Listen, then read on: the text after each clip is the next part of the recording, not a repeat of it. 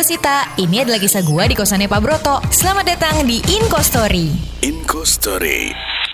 Beb, aku beli makan dulu ya di warung depan. Nanti aku telepon lagi ya. Oke deh, kabarin aku ya kalau udah di kos lagi.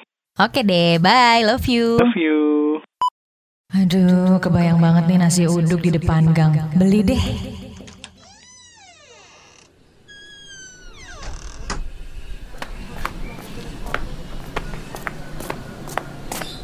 Nasi uduk pakai telur balado sampai tempe orek ya. Oke, tunggu ya.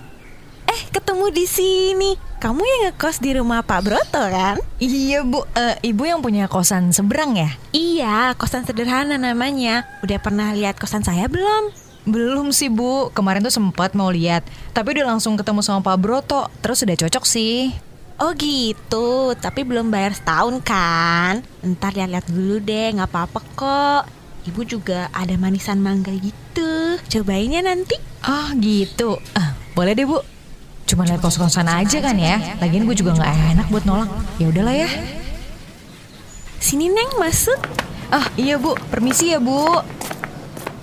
Loh, loh, loh, loh, Sita Marsitol, itu kamu ngapain ke situ? Lah, aduh, aduh, aduh, aduh, ini ngapain Sita? Loh, Pak Broto udah dari tadi di situ. Lah ya udah dong, saya kan selalu nongkrong di sini depan gerbang untuk melihat-lihat kompetitor yang jahil-jahil begini. Aduh, Loh Bapak, maksudnya gimana?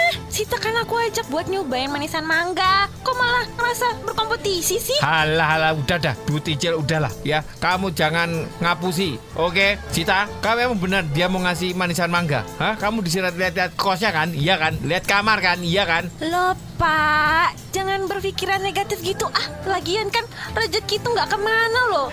Hmm, malah berantem nih mereka berdua. Langkah seribu, gue balik kali ya. Kayak gini, saya mau sliding. Saya mau sliding, mau di sliding. Eh, Bapak jangan asal bicara ya. Toh kosan saya juga selalu penuh. Siapa yang mau sliding? Toren penuh. Alah.